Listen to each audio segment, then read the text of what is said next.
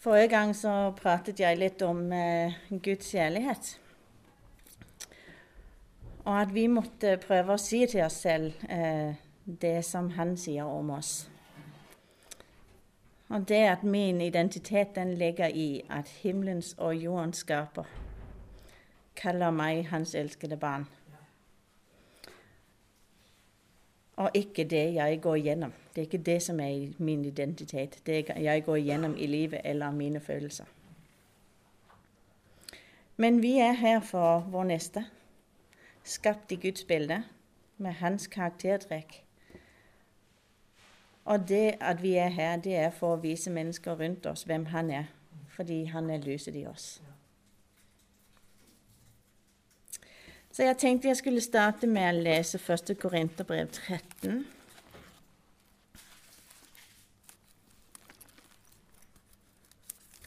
Og det er noen vers som vi kjenner alle sammen.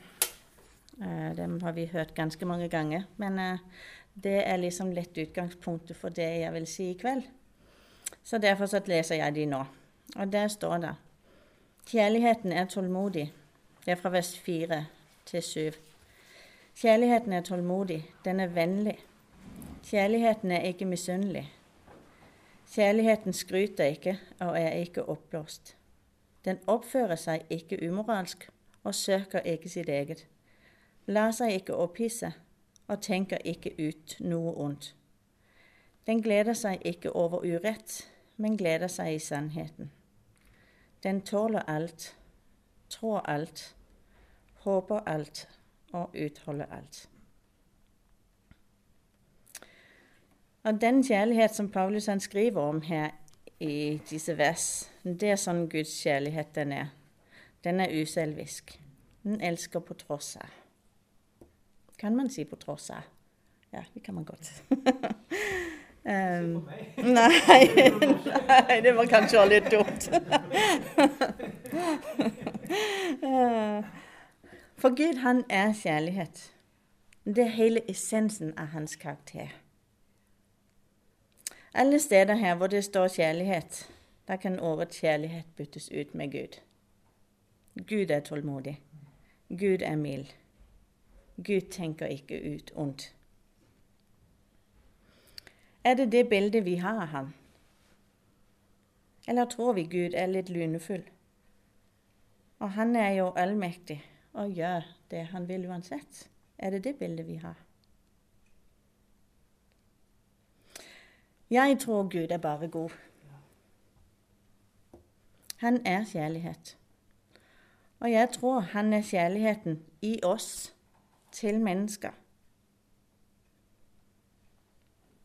Og jeg tror han er kjærligheten imellom oss mennesker. Det er hans avtrykk hans stempel inn i vår verden av følelser.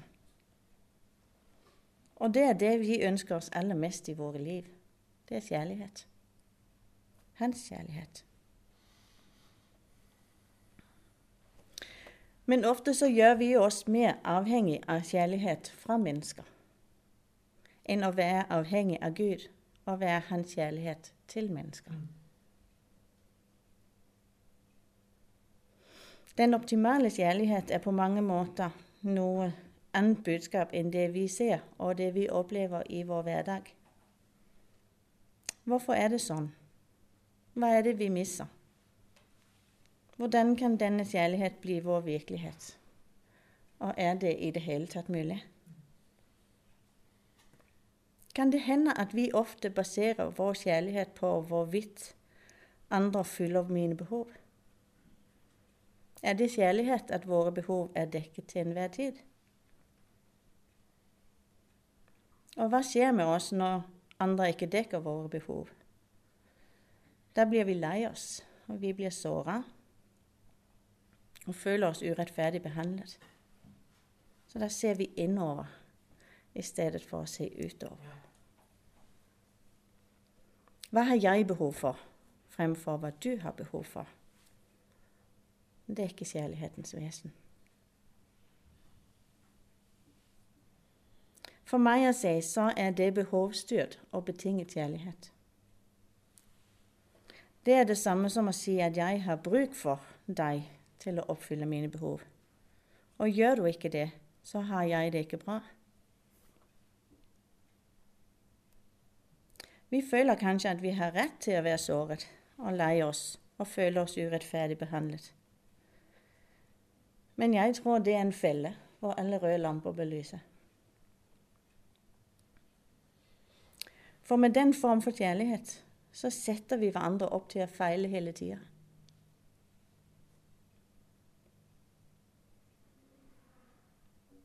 Det er ikke sikkert vi gjør det bevisst, men bare prøv å tenke med nå.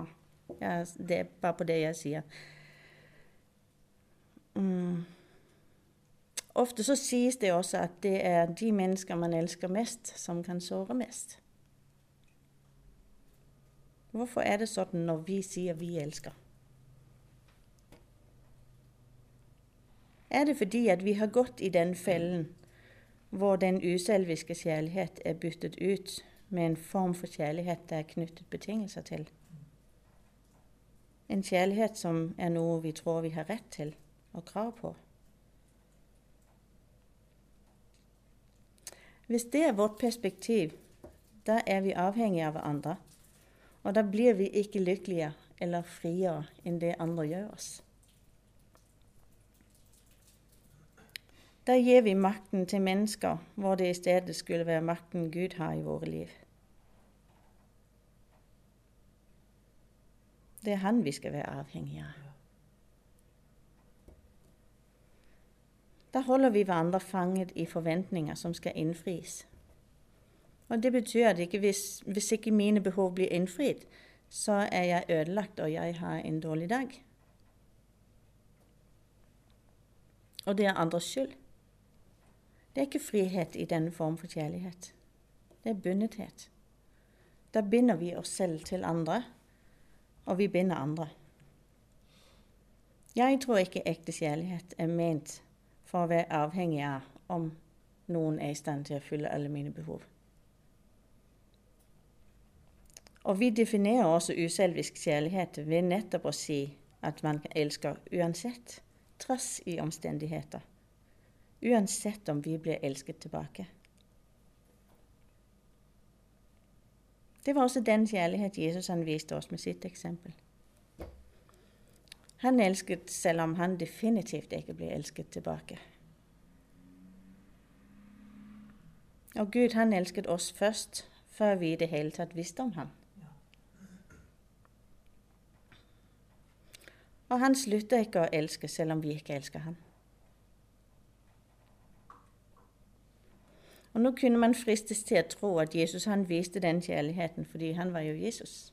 Han var jo Guds sønn. Men Jesus han levde sitt liv som menneske, som deg og meg. Og han ble fristet i alle ting, liksom deg og meg. Men han syndet ikke, står det i Hebreerne 4,15.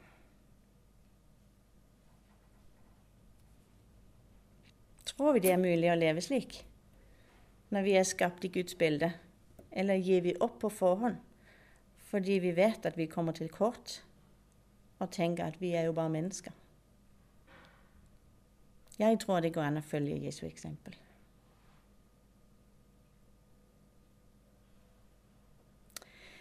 I Mikas 6,8 så står det Han har kunngjort deg, menneske, hva som er godt.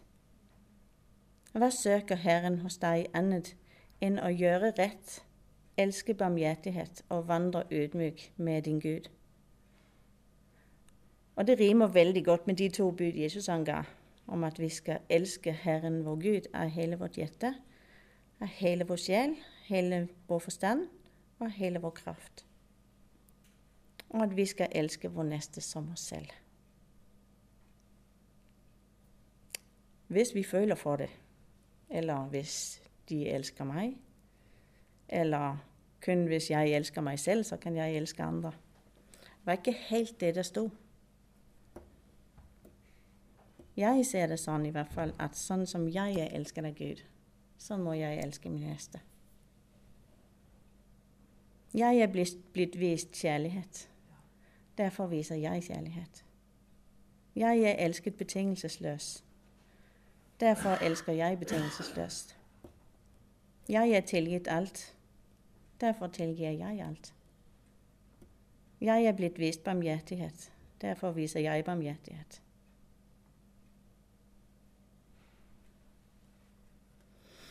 I Johannes 20, 17, hvor Maria står ved Jesu grav og Jesus han viser seg for henne, så sier han til henne at eh, hun skal gå til mine brødre. Og det fascinerer meg. Nå er vi ikke lenger tjenere eller venner. Nå er vi brødre og søstre. Og det vil si vi har en felles far. Vi er Guds barn. Og Gud han elsker oss fordi vi er hans barn, ikke for vi kan, hva vi kan gjøre for ham. Han elsker deg bare fordi du er deg. Og vi som har barn, vi elsker også dem fordi de er våre barn, ikke fordi de skylder oss noen ting. Enten de gir oss anerkjennelse eller sier vakre ord om oss, eller de gjør pliktene sine eller ikke, så elsker vi jo de uansett. Hvorfor skulle kjærligheten til vår neste være annerledes? Jesus sa ikke noe om at det var bare den kjærligheten som skulle være der innenfor familien.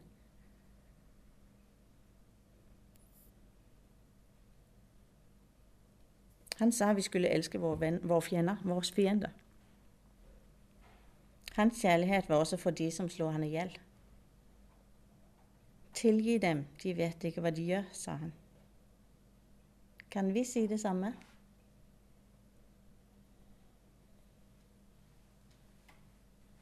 Han ga ikke deg og meg betingelsesløs kjærlighet. For det med at vi skulle ha rett til å kreve kjærlighet med betingelser fra andre.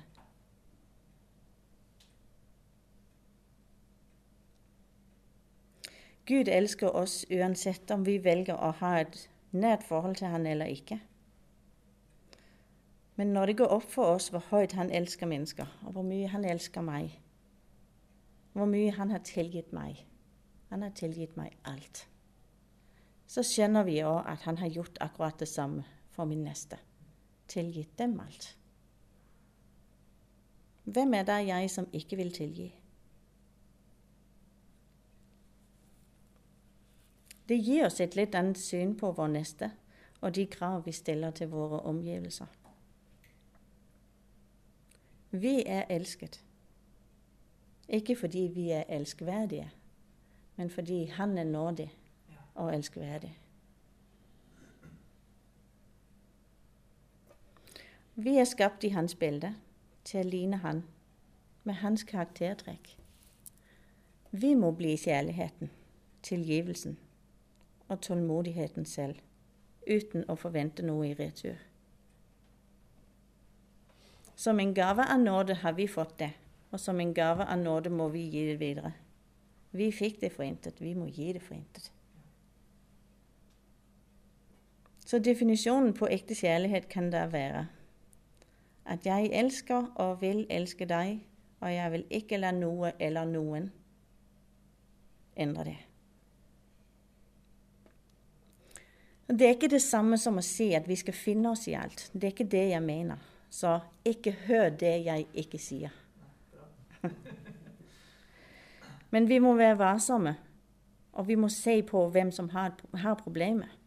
For veldig ofte når vi blir såret over noe folk de sier til oss, så er det fordi at de har et problem, og ikke meg. Men når jeg blir såret, så er det fordi at jeg identifiserer meg med det de sier. Og da blir det mitt problem. Men vi kan sette grenser for mennesker på en kjærlig måte, ikke i sinne. Vi kan være tilgivende og kjærlige uansett. Og allikevel. Og ofte så sier mennesker sånne ting fordi de ikke selv vet at de er elsket av Gud og et Guds barn, og hvor mye de selv er tilgitt kan vi da tenke Gud, tilgi dem, de vet ikke hva de sier. Og hadde de kjent deg, Gud, og vært fullt av din kjærlighet, så hadde de ikke sagt det de sier.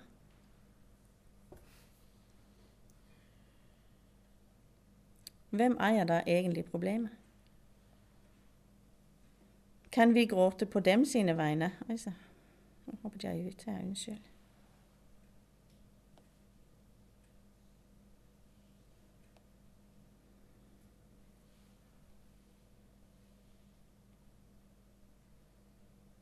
Kan vi gråte på dem sine vegne fordi de ikke skjønner og ikke forstår hvor mye de er elsket, i stedet for å gråte over det de sier?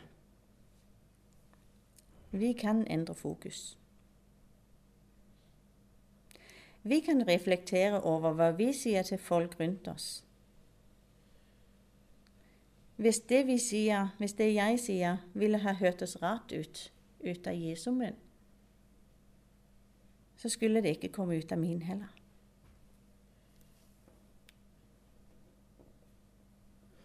Du og jeg er en kanal for Guds kjærlighet. Den er ment til å gis videre. Vi kan velge å elske og ville elske, og ikke tillate noe eller noen å endre det. Et valg om at jeg er til for å elske deg, og du skylder meg ingenting. Du skylder meg ingenting. Jeg elsker og vil elske deg. Punktum. Ingen trenger å invitere meg. Ingen trenger å si søte ord til meg. Ingen trenger å hjelpe meg. Men det er en veldig stor velsignelse for meg om de gjør det. Og det er deilig. Men du og jeg er elsket av den høyeste, med den mest perfekte kjærlighet som fins. Og det er nok. Vi trenger ikke bekreftelse på hele tiden at vi er elsket av alle andre. Vi er bekreftet av den høyeste. Du og jeg kan være de som hjelper, og som kommer med gode ord og løfter andre opp, uten å forvente noe i retur. Ingen skylder oss noe. Vi kan være en velsignelse fordi vi er blitt velsignet.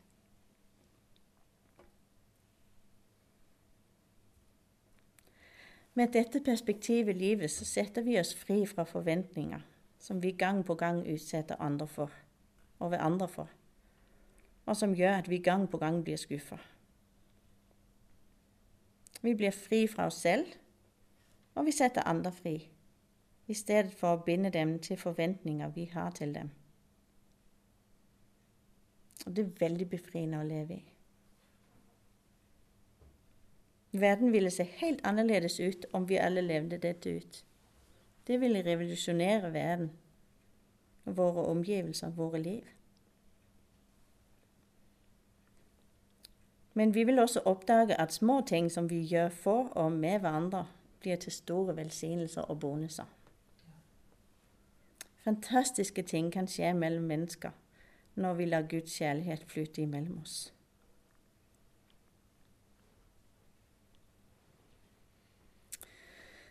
Og jeg har bare lyst til å flette inn en, en historie som jeg kom på i, ja, for en stund siden eh, med frisøren min. Eh, for sist jeg var hos frisøren, og det er en stund siden, eh, eh så har jeg et veldig spesielt forhold til min frisør. Og det har jeg hatt helt fra dag én. Og jeg vet ikke hvorfor, og hun vet ikke helt hvorfor. Og vi har pratet om det flere ganger. Så sist jeg kom, så sier hun 'Å, jeg er så glad for å se deg'. Altså, da jeg så navnet ditt i boka mi, så 'Yes! Dette blir en god dag'. Og jeg var sånn 'What?' Så hun 'Du er alltid så blid'. Og du kommer bare inn, stråler som solen. Og jeg OK. ja, og så har jeg som de mange jeg vet, så, så, har vi en del utfordringer sånn i forhold til med vårt hus og sånne ting. Og det fortalte jeg henne om for lang tid siden. Og hver gang jeg kommer, så spør hun åssen går det. Jeg, å, jeg har tenkt på deg så mange ganger. Åssen går det? Og så fortalte jeg henne det, og, og, sånn, eh, og så sier hun Jeg er bare helt målløs over måten du håndterer det her på. For jeg hadde vært, jeg har vært helt i grus. Jeg sier, men jeg Livet mitt er jo fint uansett. Ja. Og jeg, jeg har det fint. Og jeg har fred oppi alt det. Og hun, jeg så hun så litt sånn rart på meg. Og så sier hun men, men, når du sier det, hva mener du da? Og da sa jeg nå skal jeg, nå skal jeg fortelle deg hva jeg mener. og så fortalte jeg henne om denne opplevelsen jeg hadde i Bergen, og hva jeg kommer ut av. Og det, altså, ja, hun, det tar igjen en halvannen time når jeg er hos frisøren, for hun blir aldri ferdig. Nei, så hun setter alltid god, god tid da. uh, og hun var bare sånn helt uh, Det er helt fantastisk. Nå skjønner jeg hvor det kommer fra når du stråler sånn, sier hun. Og så fortalte hun meg ting hun hadde opplevd sjøl. Og vi fikk bare en veldig god, uh, veldig god prat og en veldig fin uh, ja, stund der. Og så etterpå så sier hun, da jeg skulle til å betale, så sier hun Jeg har lyst å gjøre noe godt for deg. Ah, jeg blir helt rørt når jeg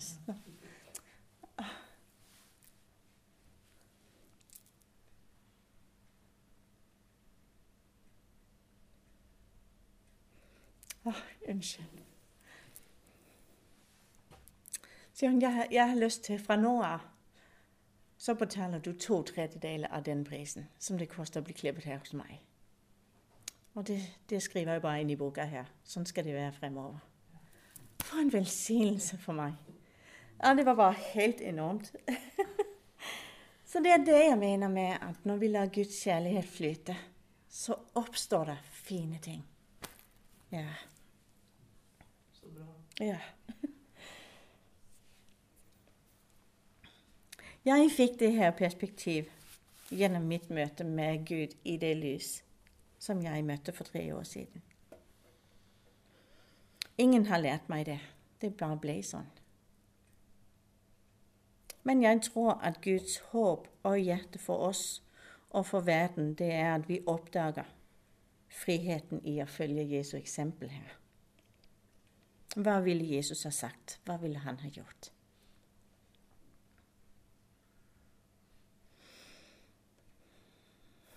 Eh, jeg tror jeg skal lese Matteus 11. Uff.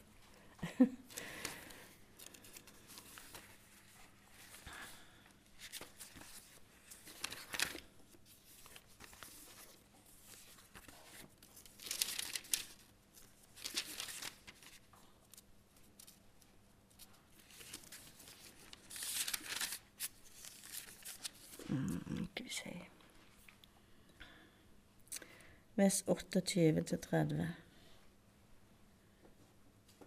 Og det står Kom til meg, alle dere som strever og bærer tunge byrder, og jeg vil gi dere hvile. Ta mitt åk på dere og lær av meg, for jeg er mild og ydmyk av hjerte, og dere skal finne hvile for deres sjel, eller for sjelene deres. For mitt åk er ganglig, og min byrde er lett. Er det noe av dette som Jesus han tenker på når han sier at hans åk er lett? Det å lære av han å være mild og ydmyk av hjerte. Og si at ikke alt handler om meg og mine omstendigheter, men at jeg er her for å la mitt lys skinne. Han i meg. Og det er ikke alltid like lett, det er ikke det jeg sier.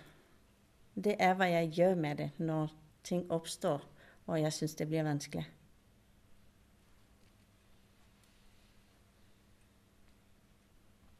Jeg pleier å be Guds ånd om å veilede meg og minne meg på å ha Kristi sinnelag. Jeg løper inn i Guds favn og ber Han fylle Hans store himmelske kjærlighet inn i meg og forvandle meg innenfra.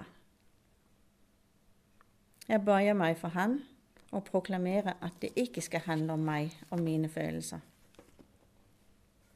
Men alt i mitt liv vil jeg skal handle om han og min neste. Mitt liv er ikke lenger mitt liv. Det er Guds, som jeg leste forrige tirsdag, fra Korinterne 6, 19-20.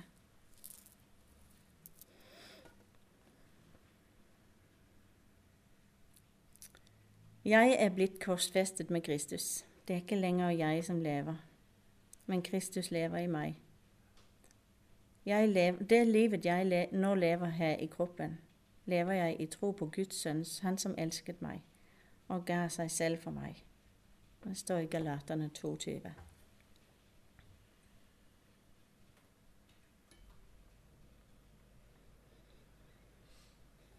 Jeg tenker litt sånn Hvordan gjør vi dette? Jeg tror for det første så må vi la Gud være den som dekker våre behov.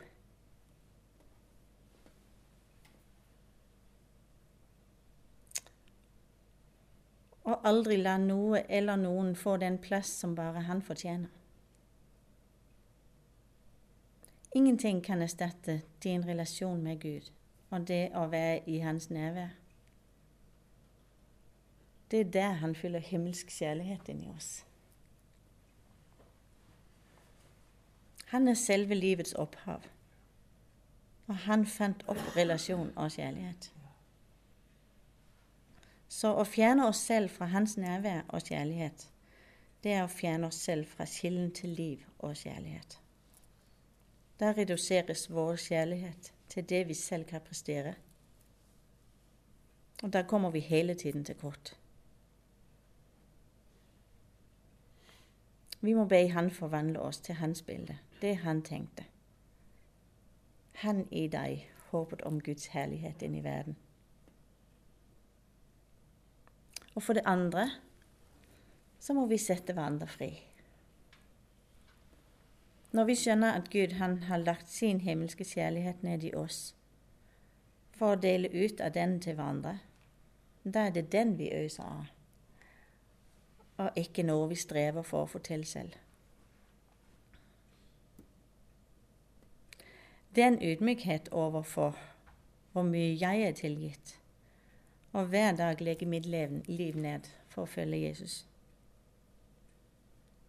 Det er min refleksjon og min reaksjon på den kjærlighet jeg har fått for intet. Da er kjærligheten ren.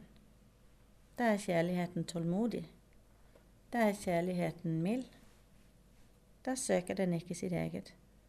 Da hisser den seg ikke opp og bærer ikke nag. Da tåler den alt, trår alt, håper alt og utholder alt.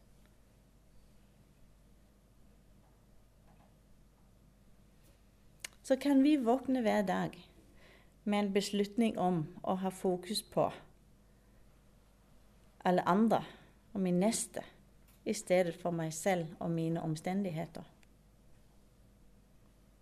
Kan jeg si til meg selv at jeg er til for å elske min neste, og ingen skylder meg noe?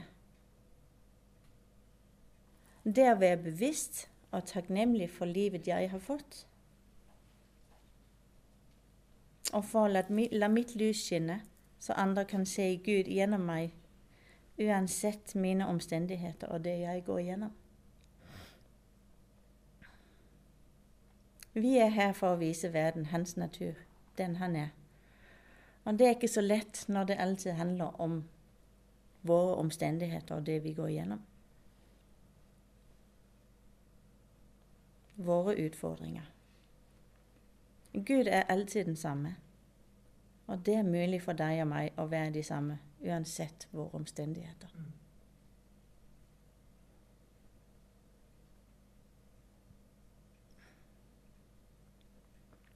Hvis ikke tryggheten i at vi er akseptert, elsket og et barn av Gud med hele himmelens fylde på innsiden, hvis ikke det definerer vårt liv, så lar vi våre følelser og omstendigheter styre og definere vårt liv og hvem Gud er.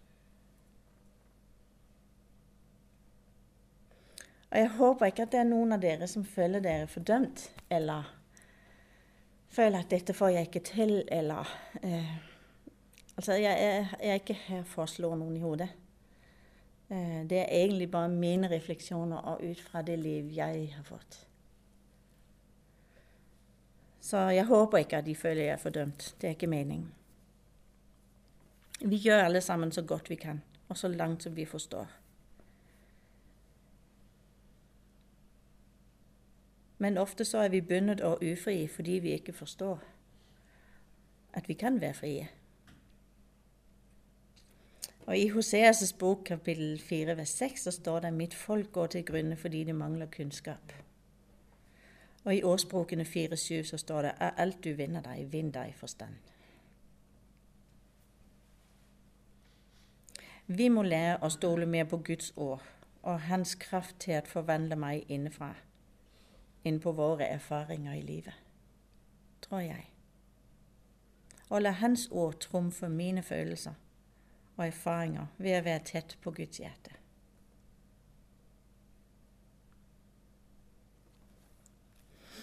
Eh, jeg vil lese Matteus kapittel 16 Nei, nå slukket jeg det igjen. Er det mulig?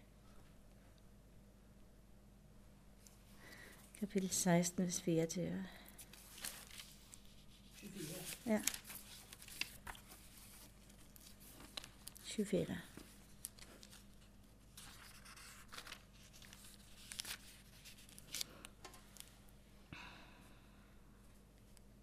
Og da sier Jesus til sine disipler Hvis noen vil komme etter meg, må han fornekte seg selv, ta sitt kors opp og følge meg.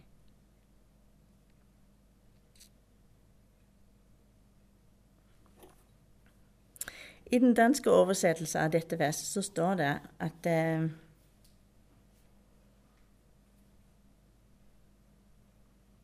Har jeg blandet noe her?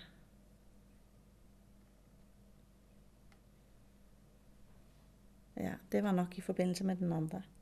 Nå, men eh, samme det. Da hopper vi over det. Men eh, det var jo fint. Det var jo fint vær å ha med her òg. um, vi må se på oss selv som dør fra vår selvopptatthet. Vår selvforsvar og det som kommer meg til gode, og det jeg føler for. Vi må se på hva Guds ord sier om livet vi kan leve i stedet. Frihet, fred, hvile og glede på tross av våre følelser og våre omstendigheter. Jeg tror ofte vi må lære at våre følelser ikke er pålitelige. For de er i dag forskjellige fra i morgen. Så vi kan, ikke, vi kan ikke si at våre følelser, det vi føler, det er sannheten vår. For i morgen så ser det helt annerledes ut.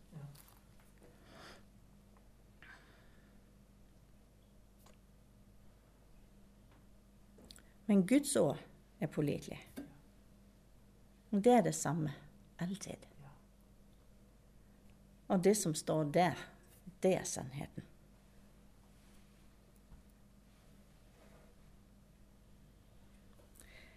Når vi frasier oss våre rettigheter, alt det vi mener vi har rett til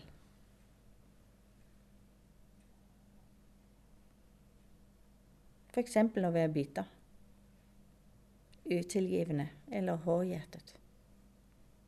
Vi frasier oss disse rettigheter, så er vi fri fra oss selv. Da handler det ikke om oss, men det handler om ham vi følger.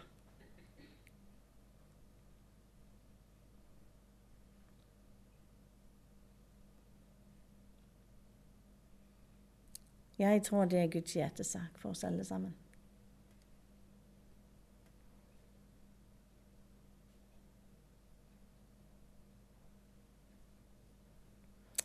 Jeg vil være det mesterverk som Gud har tenkt. Og det tror jeg vi vil alle sammen.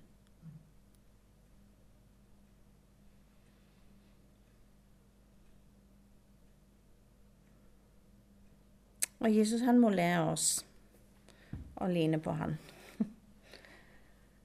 Vi må lære Jesus å være mild og ydmyk av hjerte. Og det som var der på det skriftsted hvor det står der med at uh, han vil være mild og ydmyk, eller han er mild og ydmyk av hjerte. I den danske oversettelsen så står det 'saktmodig'. Og 'saktmodig', det, det ordet det slår jeg opp, og der står at uh, det er villighet til å uh, Villighet til å uh, bli urettferdig behandlet villighet til forsoning. Til å komme i møte. Det syns jeg var veldig fint. ja, sa jeg vil være saktmodig. Ja, komme folk i møte.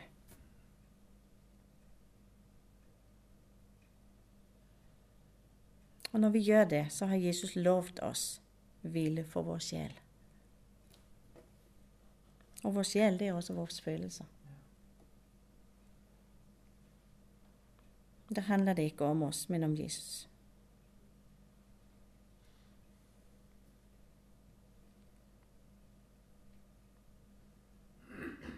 Det er der hvor vårt liv ikke er vårt, men hans liv og nærvær i og gjennom oss. Og jeg tror det er mulig. Mm. Det var egentlig det jeg hadde.